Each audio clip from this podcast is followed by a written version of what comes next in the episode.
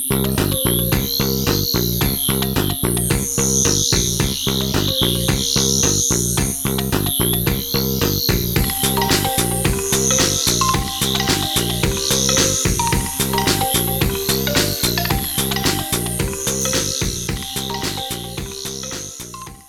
lytter nå til en podkast fra Kongsberg bibliotek. Denne episoden er et opptak av en litteraturkafé som vi hadde her på biblioteket. Litteraturkafeene har vi én gang i måneden, og du finner mer informasjon om disse på våre hjemmesider og på Facebook. Jeg må kanskje si hvem jeg er. Jeg heter Sara Judith Hovelstad og jobber her på biblioteket i har stilling. Bor i Hvittingfoss. Og eh, når jeg har bokprat, så finner jeg gjerne noen bøker jeg har lest som jeg syns har noe felles. Og eh, disse her, da har jeg satt et tema som er annerledesbarnet i litteraturen. Da har jeg tatt med meg Lars Amund Våges 'Det uferdige huset'.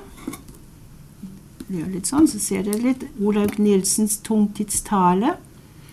'Yt etter evne, få etter behov'. Eh, Tordis Ørjasæter kom i fjor med 'Vi er ikke alene', en fagbok. Veldig bra. Og så er det en litt eldre bok som heter 'Kjære Gabriel', som jeg har tatt med meg. Her er det bilde av eh, Olaug Nilsen, Tordis Ørjasæter og Lars Amund Våge. Da har dere et bilde av hvem disse er. Før jeg begynner å snakke om bøkene, så har jeg litt, lyst til å reflektere litt rundt temaet språket vårt, ordene våre, og mangel på ord i en verden full av språk og ord. Ord gir makt. Eh, den ordløse blir ofte usynliggjort. Og hva med det veldig pratsomme barnet?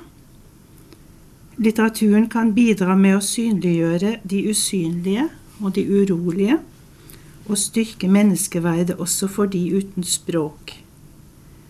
Og hva kan vi lære av de språkløse, har jeg tenkt. Det handler om menneskeverd og verdier. Temaet har vært aktuell i litteraturen den siste tiden, eh, særlig pga. forfatterne Lars Amund Våge, som har skrevet 'Synja', annet. Han har en autistisk datter. Og så har han skrevet den her. Olaug Nilsen og 94 år gamle Tordis Ørjasæter, som kom med den boken her i fjor, har bidratt til at temaet igjen har blitt snakket om. Det har jo sikkert blitt tatt opp før en del, men hun har samlet trådene veldig fint i den fagboka som kom i fjor. Ja, da Da har jeg Ja, skal vi se. De har bidratt med sine fortellinger ut fra egne liv. Eh, forfatterne har egne erfaringer og flettet det inn i fortellingene sine. Også jeg har en eh, personlig historie som gjør at jeg er ekstra interessert i temaet.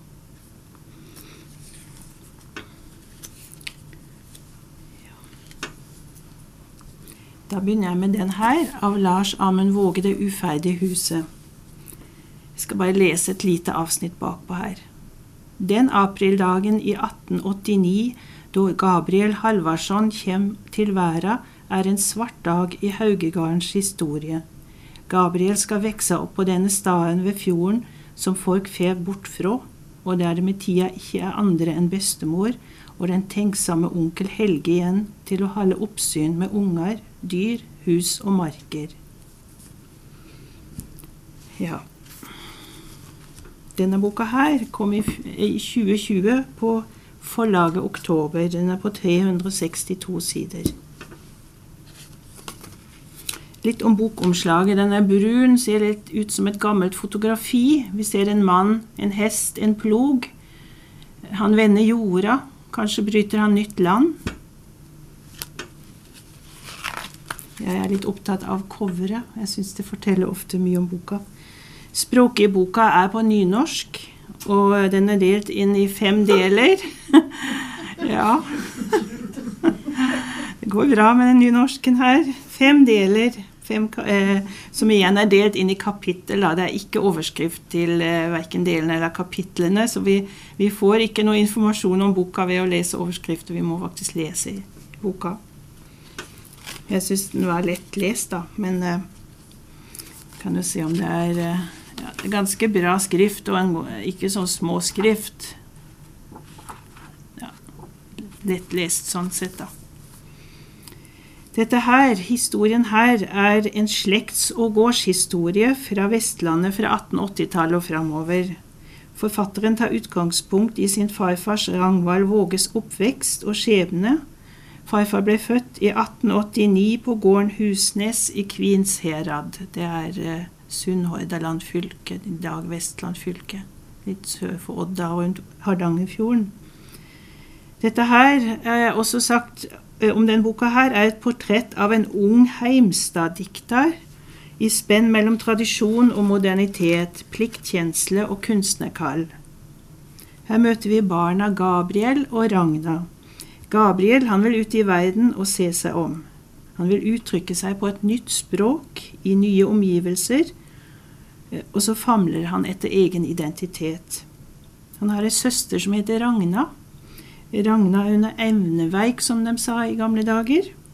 Hun blir boende hjemme, og det oppstår et veldig nært, fint forhold mellom disse to søsken.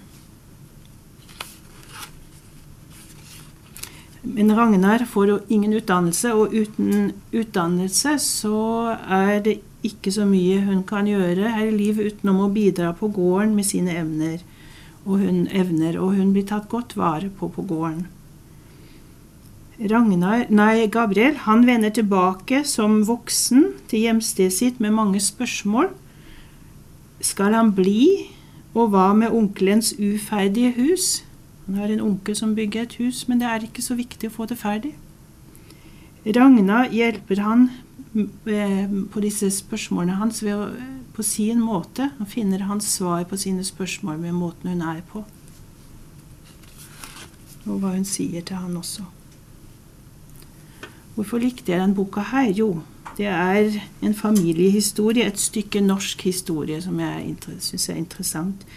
Hvordan bryte opp, hvordan ta vare på annerledesbarnet i bygdesamfunnet.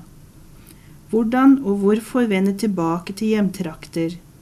Ta valg og det å ta det gode med seg videre. Og så forteller den egentlig også hvor viktig utdannelse var for å bygge det nye Norge. Bondesamfunnet i, på Vestlandet da delvis ble til et industrisamfunn. Og det kom utdanningsinstitusjoner som Folkehøgskolen. Og hva ønsket man der å lære de unge, oppegående bondesønner og -døtre? Det syns jeg var interessant å få et innblikk i. Hvem passer boka for? Jo, den passer godt for den voksne leser, både den mannlige og kvinnelige. Og de som liker Edvard Schoems bøker Jeg eh, vet ikke om dere har lest noe av han, men det er eh, litt i samme sjanger. Her er det historisk Den som er også historisk interessert i familierelasjoner. Sitatet fra coveret. Alle endrer seg, også de døde, tenker Gabriel, og han finner trøst i orda. Helge kan sjå at Gabriel har særskilte evner, og skaffer han plass på folkehøgskole. Her skal Gabriels nye liv ta til, og kreftene i han frigjøres, slik Norge òg skal finne sin vei i brytningstida like etter unionsoppløsninga. Så litt om forfatteren Lars Amund Våge. Han er født 13. mai 1952 i Kvin herad, det er da i Sunnhordland. Uh, han har studert klaver ved Grieg Akademi i Bergen. Uh, som forfatter debuterte han i 1979 med en bok som het 'Øvelse kald vinter'. Han har skrevet romaner, noveller, diktsamlinger og barnebøker. I 1995 så fikk han kritikerprisen for en bok som het Rubato. Jeg har ikke lest den. Rubato. Og Ny norsk litteraturpris for samme bok. 2002 Kunsten å gå. Da, bra, da ble han nominert til Bragepris for Kunsten å gå, og fikk Brageprisen for Syngja i 2012. Det er i grunnen en bok som man godt kan lese før denne her. To ganger er han nominert til Nordisk råds litteraturpris, sist i 2020 for denne boka her. tema? Jo, Um, han er opptatt av hva som skjer i et samfunn der tradisjonen blir borte, og hva med de svake og de språkløse?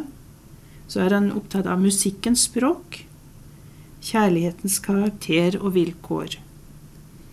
Han har oversatt verker til engelsk, hindi, polsk Nei, hans verker er oversatt til engelsk, hindi, polsk, russisk og svensk og tysk.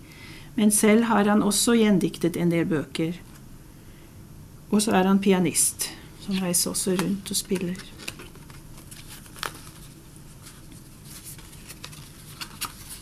Ja, det var den. Der. Har dere lest den, eller? Jeg har det faktisk. Du har det. Det, å huske det. Ja. Så er det Olaug Nilsen som kom med tungtidstale, og i, i eh, 2020 så kom hun med 'Få etter evne, yt etter behov'. Den, eh, det er denne her jeg tenkte skulle snakke litt om. Ja, men før jeg gjør det, så tenkte jeg å lese litt bak på den her først. Dette er inga heltehistorie, det er ei kjærlighetshistorie. En liten gutt mister språket og forandrer personligdom. For mora begynner en kamp, først for å forstå hva som skjer med gutten, og så for å få hjelp til å gi han den omsorgen og oppfølginga han trenger. Familien er plutselig i en svært utfordrende livssituasjon, og de må gjennom lange og utmattende prosesser for å få hjelp. Mødre skal aldri gi opp, blir det sagt. Men hva er aksept, og hva er å gi opp? Tungtids tale er en sterk historie om å være foreldre til et autistisk barn, om kampen for at barnet skal bli sett som den han er, og får den støtte han og familien trenger. Det er en veldig ærlig bok som har fått en del omtale. Men så var det denne her, da. Den er, har litt positivt omslag, syns jeg. Den er med det blå her. Blå himmel, lys klesvask, gul bakside. Den er ikke så veldig dyster sånn utapå. Det er liksom spor etter husarbeid her. Og forfatternavnet er i hvit skrift. Tittelen er litt mer sånn nøytral og utflytende. Yt etter evne, få etter behov. Ja, hva sier det, tenker jeg. Man blir litt sånn nysgjerrig på tittelen. Tungtidstale syns jeg også er en veldig bra tittel, for du blir litt nysgjerrig, og du Ja, det kan være så mangt du skal skrive om, men eh, Ja. Språkeboka her, det er lettlest nynorsk, dessverre også. Veldig lettlest. Direkte, eh, det er mye direkte tale og mye avsnitt, så det er eh, veldig overkommelig. Den er jo ikke så tjukk heller. Og så har den overskrifter. Petter, søndag 1. desember. Rakel, onsdag 27. november. Gudrun, fredag 29. november. På en måte så tidsfestes det som blir sagt, og hvem som snakker i de kapitlene. For det har veld, veldig mye å si, for det blir veldig ulikt hvem som forteller hvordan ting blir lagt fram. Historien her, jo, her møter vi Lea og hennes autistiske sønn Benjamin. Aleneomsorgen for Benjamin tærer på. Hun er deprimert og makter ikke oppgaven uten at resten av storfamilien, særlig søster Rakel, stiller opp. Men hva når Rakel ikke orker mer? Og hva med den andre søstera Linda? Hun er faktisk lege. I løpet av en forholdsvis kort hendelse som utløser frykt, må familien tenke nytt, rollemønstre brytes, og det gjør vondt.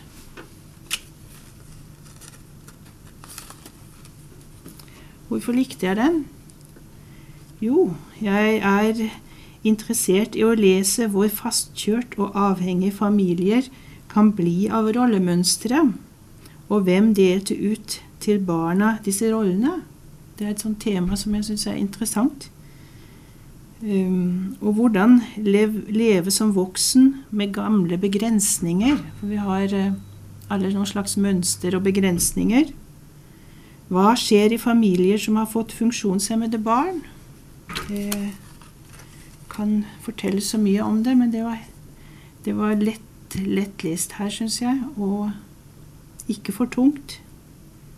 Hvem passer boka for? Jo, den passer for den voksne leser som er nysgjerrig på psykologiske analyser av familierelasjoner i form av en lettlest roman. Hvordan ta vare på det funksjonshemmede barnet, den som er opptatt av det. Og hvordan ta vare på hverandre og seg selv oppi det hele. Sitatet fra coveret med 'yt etter evne, få etter behov' har Olaug Nilsen skrevet en humoristisk og alvorlig roman. En videreføring av tematikken fra Tungtidstale i 2017 kom den. Hvem tar ansvaret ingen egentlig klarer i vår individualistiske tid? Og fins det balanse i regnskap mellom plikt og fridom blant mennesker, ikke minst blant medlemmer i en familie?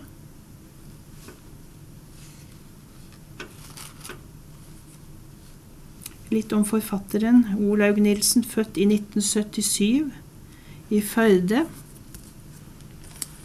på Vestlandet.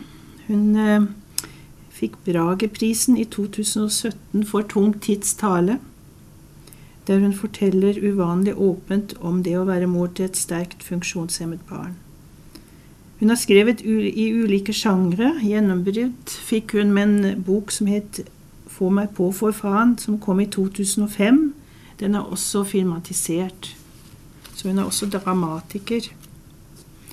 I 2019 så skrev hun et satirisk lesestykke, 'Ikke tenk på det', om tilstanden i norsk bokbransje.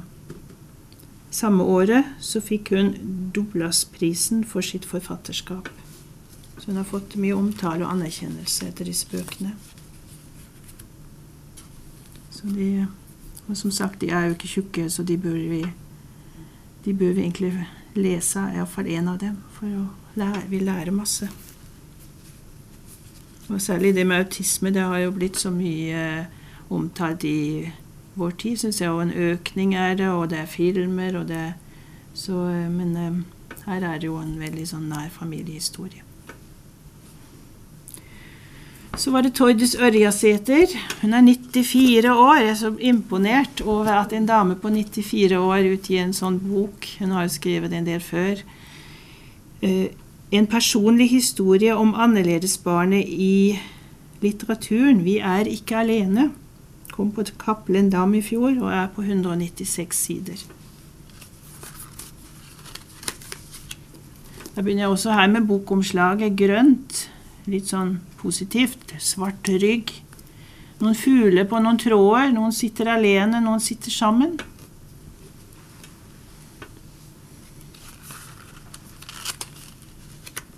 Språket i boka her, jo, den er ikke på nynorsk. og den er eh, ryddig, og det er et veldig sånn godt oppsett. Jeg, jeg, tenker det Siden det er en godt voksen dame som har skrevet, så har hun tenkt på leselighet. Det er stor skrift. Og det er sånn veldig ryddig eh, oversikt i starten her også. Ja, eh, Den er delt inn i fire deler da, med underkapittel igjen. Og det er et forord og et etterord og en litteraturliste. Skal vi se, jeg tenkte jeg skulle lese litt fra den.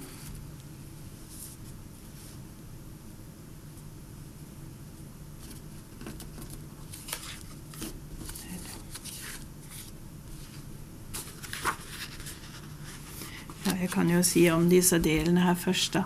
De har overskrifter 'Da dagene var onde', 'Moren til Maren Charlotte', 'Inn i vår tid', 'Når søsken trer fram fra boksidene'. Så leser jeg litt for dere. Skriv ned historiene. Still alle klokker. Et barn er født i Betlehem, i Oslo by, i alle hjem. Skriv ned historiene om dem. Det er tatt fra Katrine Grøndals dikt År null. Fødselen er en voldsom opplevelse. Det gjelder for barnet som forlater den jevne varmen og kaver seg gjennom mørke tunneler. Det gjelder for moren og eventuelle søsken som også må innstille seg på et annet slags liv. Verken babyen eller familien vet hva som venter. De fleste foreldre uroer seg for noe kan være galt. Som oftest får de den glade beskjeden om at her er alt i orden, men ikke alltid. Deres sønn er mongolid, sa legen i Barbro Seterdals foreldrepoesi, og skyndte seg tilbake ut i verden til bronkitter, ischias, beinbrudd og andre skikkelig syke. Det het mongolid før, nå sier vi Downs syndrom. Enkelte små åpenbarer sitt handikap straks de er født. Andre ganger tar det både måneder og år før familien skjønner at noe er annerledes hos barnet deres. Det er noen av disse mangfoldige barna og ungdommene denne boken skal handle om, og om foreldre og søsken og omgivelsene for øvrig, slik dikterne har skrevet om dem. Vi kan google oss fram til diagnoser, lese rapporter og fagbøker, men bare forfatterne kan åpne opp språket og lete seg fram til de orda vi ikke finner, skrev litteraturkritikeren Ellen Sofie Lauritzen i Dagbladet 1.10.2012. Hennes ord ble som et motto for meg under skrivingen. Sterkere enn i lærebøker og fagbøker handler det i skjønnlitteraturen om å forstå, bli kjent med og være nær jeg har valgt å skrive om bøker hvor forfatterne har språk til å kunne formidle sine erfaringer. Selvfølgelig er dette bare et lite utvalg av bøkene som finnes. Jeg har begrenset meg til bøker på norsk om barn og ungdom med utviklings, psykisk utviklingshemning og autismeforstyrrelser, for det er de jeg selv kjenner best. Men slike diagnoser ble et problem underveis, for hver enkelt er noe for seg selv. På ulike måter kunne benevnelsene uttrykke sårbarhet, fastlåste holdninger og manglende forståelse fra omgivelsene sine, og først og fremst utenforskap. I undertittelen på denne boken om at vi ikke er alene, valgte jeg å bruke uttrykket annerledesbarn i en erkjennelse av at de skiller seg ut fra de fleste av oss andre, med sine problemer både for seg selv og omgivelsene, samtidig som deres annerledeshet også inneholder muligheter til å bli en berikelse. Underveis i arbeidet åpnet det seg nye perspektiver. Det ble ikke bare skriv ned historiene slik titlene er her i forordet. Jeg måtte i noen grad prøve å utvide med den store historien om psykisk handikappedes levekår, om holdninger og handlinger ned gjennom århundrene da kunne historiene bli vond, særlig når jeg beveget meg inn i mytenes og eventyrenes verden. I tillegg til denne store historien kom min egen lille historie. Min sønn Dag Tore er inspirasjonskilden for Vi er ikke alene. Jeg har tidligere skrevet om ham i boken i boka om Dag Tore da han var 20 år, og i Kjærligheten har sitt eget språk da han var blitt 62. Nå er han 65 og jeg selv 94. Eksempler fra vårt liv hører med underveis. Til mitt eget liv hører også at jeg har skrevet om Sigrid Undset. Hun var mor til Maren Charlotte, som utviklet seg annerledes enn andre barn. De to måtte få en sentral plass i denne boken, som er blitt et slags testamente fra mitt forfatterliv. Opplevelsen av fellesskap med så mange andre er en berikelse, det er mitt håp at dette også kan gjelde for leserne av Vi er ikke alene. Hvert kapittel i denne boken innledes med navnene på dem det, om, på dem det handler om, annerledesbarna. Det er de som er hovedpersonene, med enkelte voksne innimellom. Oslo, juni 21. Tordis Ørjasæter. Ja. ja. Det var disse overskriftene, da. Dere fikk jo litt sånn innblikk i hva disse overskriftene Moren til Maren Charlotte, det var Sigrid Undset, og Inn i vår tid. Og når søsken trer fram fra boksidene, det er jo det hos Olaug Nilsen her. Historien. Dette er en fersk fagbok om annerledeshet i litteraturen. Annerledesbarnet, ikke annerledeshet, men barnet. Forfatter Ørja Sæther tar sine personlige historier med seg i boken. Vi møter også Ragnar og Gabriel, som vi har snakka om fra Det uferdige huset. De er også nevnt der. Og vi blir kjent med Maren Charlotte, Sigrid Undsets datter, som sagt. Her er det snakk om slitasje og kjærlighet, om hvordan synet på det funksjonshemmede barnet har endret seg i samfunnet, nye boformer og nye navn, beskrivelser av annerledesbarnet, har bidratt til det. Den syndsyke som før levde i institusjon, er blitt til brukeren som bor i bolig. Jo, hvorfor liker jeg boka? Det er jo meget alvorlig og egentlig dystert, men altså Det er igjen at den er grundig og ærlig, og at det er en beskrivelse av hvordan det er og har vært å ha et funksjonshemmet barn, og det syns jeg er interessant å lese om.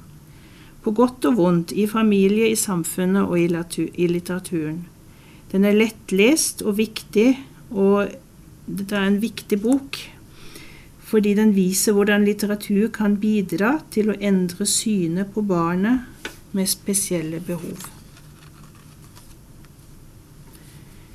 Forfatterblikket våger å fortelle historien både om idioten og solskinnsbarnet, synliggjør de for oss og forteller om krevende familierelasjoner.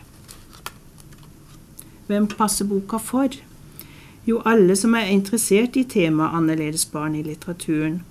Også til skolebruk, tenkte jeg. Eh, oppgaveskriving, der det også er snakk om etiske dilemma. Eh, også det der med å navngi barn, som det har vært mye snakk om i forbindelse med Knausgård sine bøker. Eh, hvor personlig skal man være i litteraturen? For her blir vi jo egentlig kjent med de barna uten at de vet så mye om det. Og det blir veldig personlig. Så da er det også en slags Man må gjøre det på en respektfull måte. Med et etisk spørsmål. Hvor, hvor langt kan man gå i å blottlegge? Sitatet fra coveret her. Når man har det vanskelig, så hjelper det å lese om andre i samme situasjon, skriver Tordis Ørjasæter bakpå her. Så det kan jo være en slags trøstebok. ja. Litt om forfatteren Tordis Ørjasæter. Hun er uh, født i 1927 og er tidligere litteraturkritiker og professor ved Institutt for spesialpedagogikk ved Universitetet i Oslo. Hun fikk Brageprisen i 1993 for biografien 'Menneskenes hjerter'. Sigrid Undset, 'En livshistorie'. Vet ikke om dere har lest den? Veldig bra. Jeg har lest den en gang for en stund siden. Det er en liten bok til her. Den er litt eldre kom i 2004. 'Kjære Gabriel' av Halvdan Freihovd. Det er en bok som jeg leste for noen år siden, og som heldigvis ikke er fjerna fra hyllene, for vi tar jo vi må jo ta vekk noe og putter inn mye nytt. Så, men den boka her har tydeligvis hatt en del utlån, så den har fått lov å bli stående. Eh, jeg sier litt om den nå. Han eh, Halvdan Freihoft den boka her heter 'Brev til sin sønn'. Eh, forfatteren vært, er vel kritiker i Morgenbladet og på P2 og i Aftenposten har han skrevet. Men Han har ikke skrevet så mange bøker, men han er nok mer kjent fra journalistyrket sitt. Det er sagt om denne boka her at det er en perle av en bok. Det er som sagt en fars brev til sin sønn.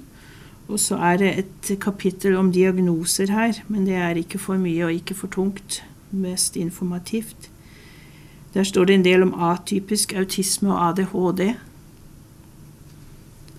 Eh, jeg skal lese litt bakpå. Kjære Gabriel er et brev fra far til sønn. Med stor kjærlighet og dyp undring søker forfatteren å forstå hva som gjør Gabriel annerledes enn andre barn, og å sette ord på sorgen, men også på stoltheten og innsikten som knytter seg til opplevelsen av sønnens grunnleggende annerledeshet.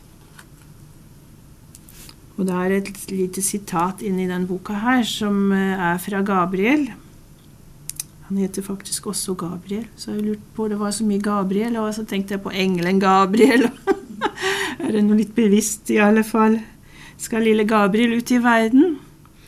Og her står det Gabriel sier, 'Jeg vil ikke forandre meg, jeg vil være sånn som jeg ble skapt'. Så, så da får vi tenke litt på det. Ja. ja da. Takk for meg. Du har nå lytta til en podkast fra Kongsberg bibliotek. Vi takker for følget for denne gang, og ønsker på gjenhør. Thank you.